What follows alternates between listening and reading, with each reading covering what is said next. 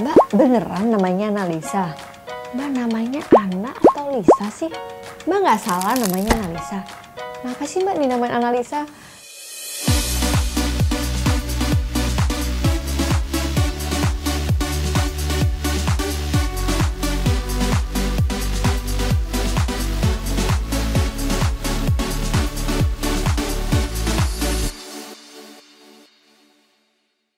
Oke, selamat datang di Analisa Channel. Saya Analisa Widyaningrum dan saya mau cerita sedikit nih asal usul nama saya.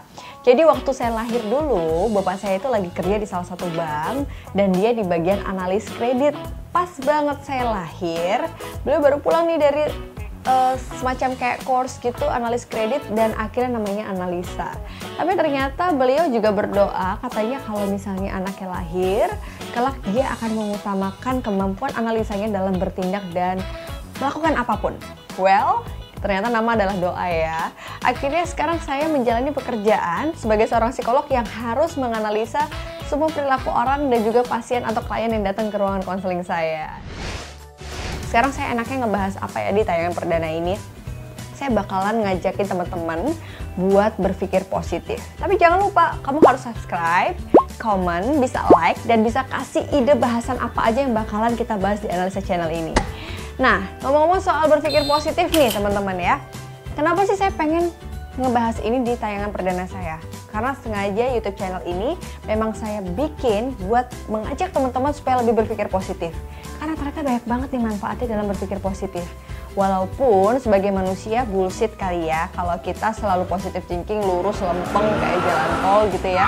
Pasti ada lah ya hilaf-hilafnya sebagai manusia. Oke, sekarang gini teman-teman, saya akan ngebahas apa sih manfaat berpikir positif atau positive thinking.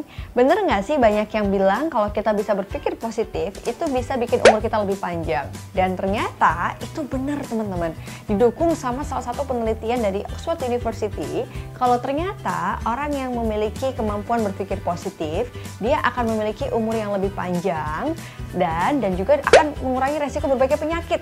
Dia akan mengurangi resiko adanya penyakit jantung jantung, depresi, serta meningkatkan harapan hidup yang lebih panjang. Wow, ternyata dengan modal kita berpikir positif, kita bisa lebih sehat ya secara fisik. Tapi, tapi boleh nggak sih kita berpikir negatif? Karena berdasarkan New York Magazine, di situ katanya nih pikiran negatif itu bisa jadi alat penyaring kita dan kita bisa lebih hati-hati nih. Jadi penyaring kehati-hatian pikiran dan mata kita untuk dapat hal yang lebih detail. Saya setuju itu. Intinya ibarat gini deh, kalau kita naik sepeda, itu kan kita berusaha meluruskan stang ya. Tapi kalau kita lepas kendali, akhirnya stang itu kan akan belok-belok. Apa yang kita lakukan? Kita berusaha melurusin lagi kan? Nah, sama kayak kita harus belajar berpikir positif. Karena dalam hidup itu pasti kita adalah pikiran negatif. Jadi kalau kita berpikir positif, tiba-tiba kita lepas kendali juga nih, jadi muncul ada pikiran negatif, yang dilakukan apa? Sama dong, kita coba untuk lurusin lagi. Terus gimana sih trik supaya kita selalu berpikir positif? Saya bakalan kasih ke teman-teman nih. Yang pertama, kalau saya sih selalu ingat, pertama kita harus bersyukur. Karena kalau kita punya rasa syukur yang tinggi, kita mensyukuri apa yang udah kita punya, kita selalu ingat apa yang udah terjadi yang positif dalam hidup kita, maka kita akan jauh dari pikiran negatif. Jadi rasa syukur ini bisa meningkatkan kemampuan kita berpikir positif loh teman-teman. Yang kedua, let's say bisa. Karena kalau kita biasa ngomong nggak bisa, apa yang kita ucapkan itu akan terjadi dalam hidup kita. So, let's say everything is possible. Semua itu pasti mungkin nih. Kayak misalnya kita ngerjain tugas, terus kita kayak nggak bisa nih sama tugas itu. Kalau kita bilang, aduh aku nggak bisa nih ngerjain tugas ini, yang ada tugas itu beneran nggak selesai. Tapi kalau misalnya kita berpikir positif dengan kita let's say bisa, kita akan berpikir, oke, okay, aku memang sekarang ngerjain ini dan hasilnya belum memuaskan, so next time hasilnya akan lebih bagus lagi. Yang ketiga, jangan lupa kita ketawa. Karena kalau kita sering nonton film humor atau kita dengerin lelucon teman kita terus kita gampang ketawa itu ternyata bisa merilis stres kita yang tadinya kayak membawa kita ke arah pikiran negatif. Oke, jadi supaya kita bisa happy terus, kita harus sering-sering ketawa ya. Tapi jangan ketawa-ketawa sendiri loh.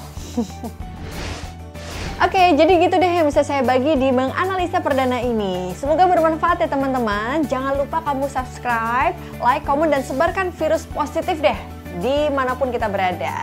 Oke, sampai jumpa di menganalisa berikutnya. Dadah!